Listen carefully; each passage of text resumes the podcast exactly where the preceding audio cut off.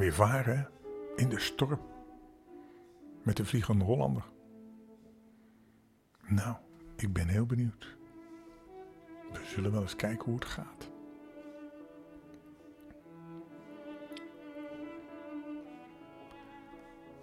We beginnen toch maar even met een klein grapje, toch? Twee haaien zwemmen in de zee en ze zien een surfer op een surfplank. En de ene haai zegt tegen de andere: Hé, hey, kijk, ze presenteren ons eten nu ook al op een bord. ja, ja. Weet je wat schimmel is? Mama, vraagt Charlene op een dag, wat is eigenlijk een schimmel? Nou, een schimmel is een wit paard, net als dat van Sinterklaas, zegt haar moeder. Waarop Charlene antwoordt, en waarom moet het paard van Sinterklaas dan per se op mijn boterham zitten? Schimmel is ook als de kaas op je boterham beschimmeld is, hè? Maar dat is een ander soort schimmel. We gaan gauw voorlezen.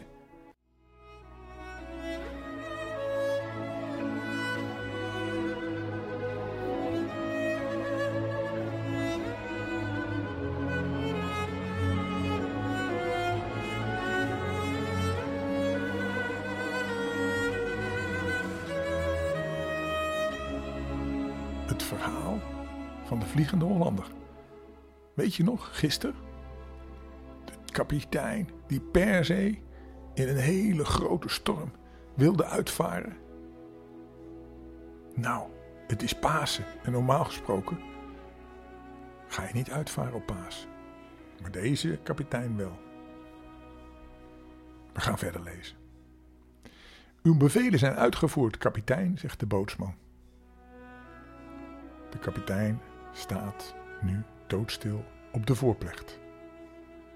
Zijn ogen hebben een starre uitdrukking. En zijn handen hangen slap langs zijn lichaam. Het is of al het leven uit hem weggevloeid is.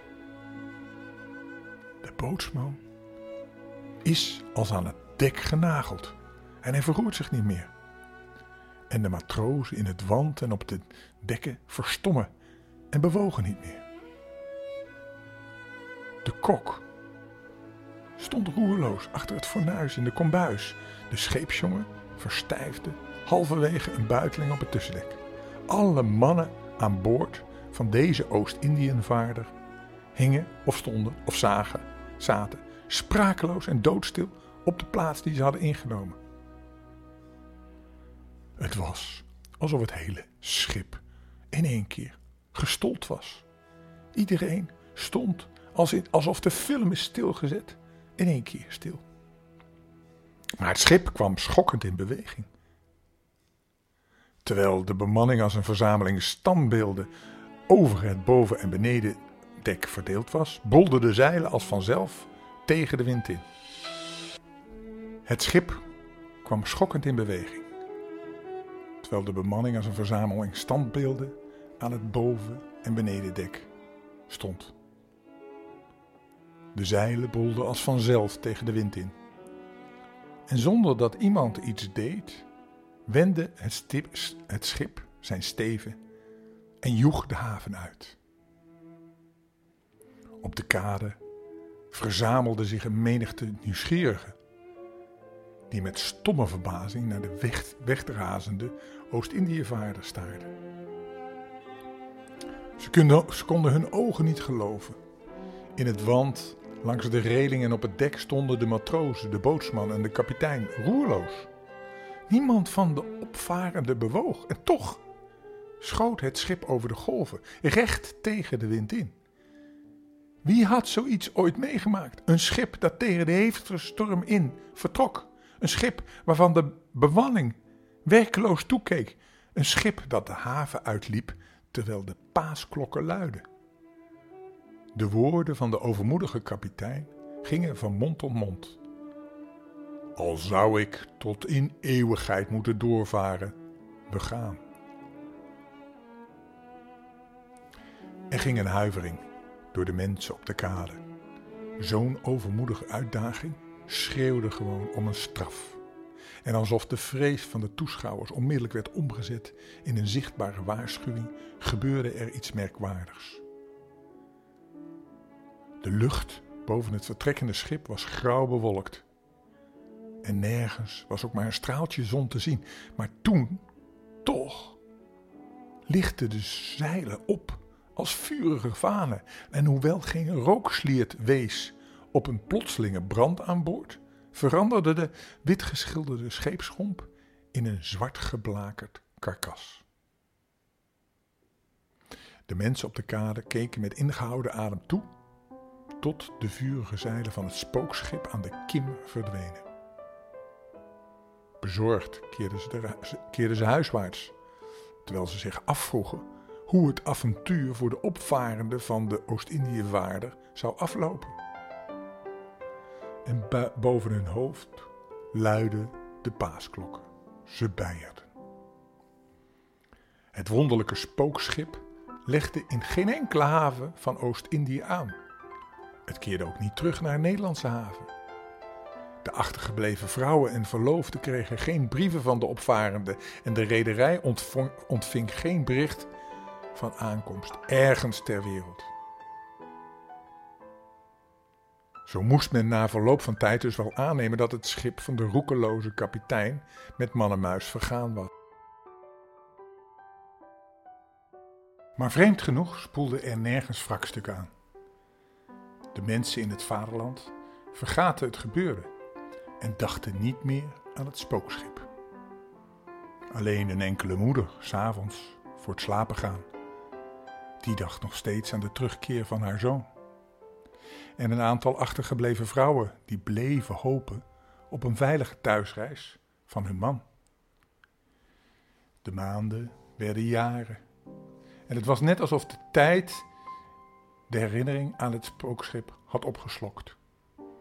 Maar toen gebeurde er iets merkwaardigs.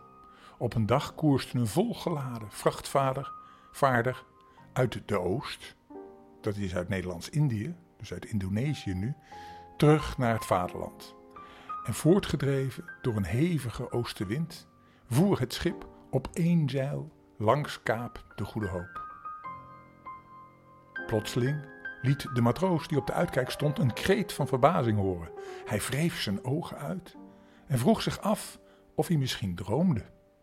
Daar zag hij, vlakbij aan bakboord, ineens een schip achter een golf tevoorschijn schieten. En geen gewoon schip, de zeilen waren vuurrood en ze stonden bol tegen de wind in. Stel je dat eens voor. Een schip dat tegen de wind inzeilde, alsof het de gewoonste zaak van de wereld was. De matroos slaakte nogmaals een kreet van schrik en van alle kanten kwamen zijn maten toesnellen. Ze staarden allemaal met open mond het merkwaardigste schip dat ze ooit langs hadden zien jagen. Ze zagen de vurige zeilen die tegen de wind inbolden, de zwart geblakerde romp en masten, het doodstille voor- en achterdek. En die stilte, dat was het vreemdste van allemaal. Er zat geen uitkijkpost in het kraaiennest. Er klommen geen snelle matrozenvoeten in het wand en op de brug stond geen bevelende kapitein. Een enige dat in de nabijheid van het schip bewoog, was een zwarte vogel die rond de mast cirkelde. Een spookschip, riep een van de mannen ontzet. Haal de kapitein! De bootsman ging naar de hut van de schipper.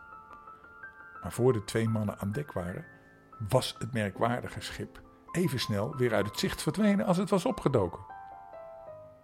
De kapitein lachte zijn matrozen uit. Een sprookschip, zei hij smalend. Jullie hebben waarschijnlijk last van zonnesteek. Spookschippen, spook, spookschepen bestaan helemaal niet. En hij beval zijn bemanning onmiddellijk weer aan het werk te gaan. En niet meer over het zogenaamde spookschip te spreken. Maar hij kon niet voorkomen dat verschillende matrozen zwijgend voor zich uit bleven staan staren en af en toe het hoofd schudden. Ze hadden het toch met eigen ogen gezien. Een schip dat tegen de wind invoer, met vurige zeilen en een zwart geblakerde romp. Steeds meer berichten over een ronddolend spookschip bereikten het vaderland. Een heleboel mensen geloofden de berichten en anderen haalden er de schouders over op. Een schip dat tegen de wind invoer, met gebolde zeilen. Een schip waarop geen mens, geen matroos in het wand bewogen en geen schipper op de brug stond. Een schip met bloedrode zeilen. Kom nou. En iedereen had het zogenaamd gezien in de buurt van Kaap de Goede Hoop. Het moest dus wel een fabeltje zijn. Maar de rederijen kregen steeds meer moeite om matrozen van hun schepen aan te monsteren. Steeds meer kapiteins zeiden: Ik vaar liever niet rond Kaap de Goede Hoop. Want het verhaal deed de ronde dat het spookschip dood en verderf verspreidde. Dat ieder die het zag een gruwelijke ziekte onder de leden kreeg, zodat het vooruitstrevende compagnie zijn beste kapitein maar uitzond om de zaak van het spookschip te onderzoeken. Er moest maar eens een eind komen aan al die geruchten over dat gekke, ronddolende vaartuig met vuurrode zeilen en zwart geblakerde romp. En het werd altijd in de buurt van Kaap de Goede Hoop waargenomen. Er moest maar eens een eind komen aan die overdreven angst van matrozen voor een schip dat natuurlijk helemaal niet bestond. Maar de beste kapitein van de ondernemende compagnie zag het met eigen ogen. Zodra hij Kaap de Goede Hoop ronde, werd zijn koers bijna gekruist door een plotseling opdoemende tegenligger met vuurrode zeilen en een zwart geblakerde romp. De onverschrokken schipper rende niet angstig naar zijn hut en werd niet wanhopig. Hij bleef verstandig en hij zei: Dit kan niet. Wanneer hij alle hens aan dek riep en een toespraak hield. Mannen, zei hij, naar het voortjagende spookschip wijzend, wat we hier voor ons zien, moet een zinsbegoocheling zijn. Een fantasie. Op dat vreemde schip zijn geen mensen. En toch zijn de zeilen gehesen en vaart het recht tegen de wind in. Hiervoor kan niemand een verklaring geven. Het is een soort droom. En terwijl hij sprak, gebeurde er iets angstaanjagends.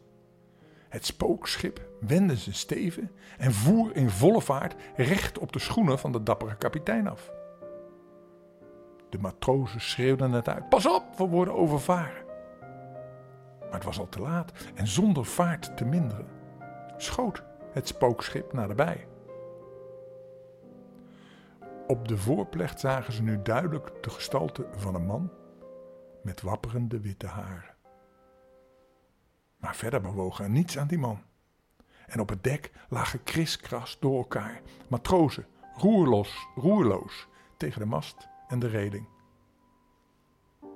Stop dan toch, riepen de angstige mannen van de schoenen. Het spookschip stoorde zich niet aan de wanhoopskreet. Het zweefde voort over de golf en het voer dwars door de schoenen heen. Geen schok of trilling werd aan boord van de schoenen gevoeld. Alleen een ijskoude windvlaag. Het was dus geen echt schip. Het was een spookschip. Het duurde geruime tijd voor de bemanning van de schoenen weer durfde te spreken.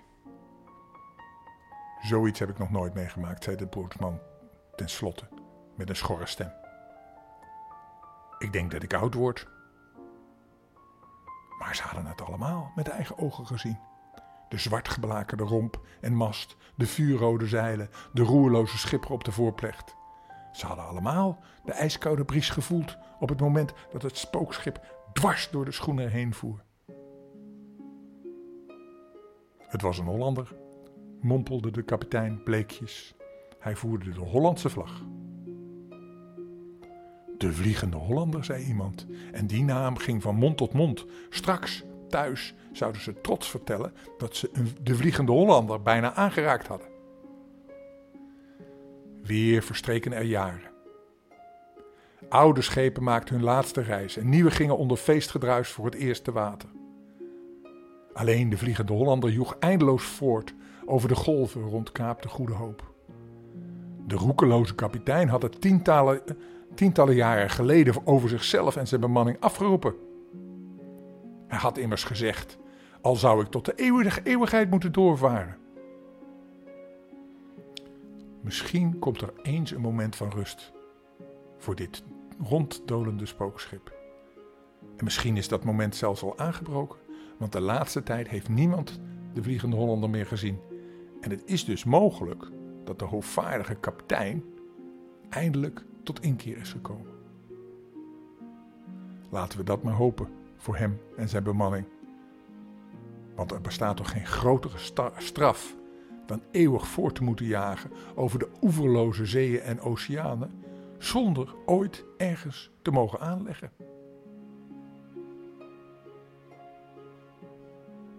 Nou, dat was een hele mooie Nederlandse zaag over een berucht spookschip dat uitvoer op eerste paasdag als je echt niet uit mag voeren met een vreselijke storm en een kapitein die zo eigenwijs is dat hij het toch doet. En het spookschip is verdwenen. En zweeft dus als een soort geest rond over de zee met vuurrode zeilen en met opbollende tegen de wind in en een dode kapitein aan dek. Het is wat. Nou, laten we nu maar gaan slapen, hè? Wel trusten. Tot morgen. Ik hou van jou, hè? Dag.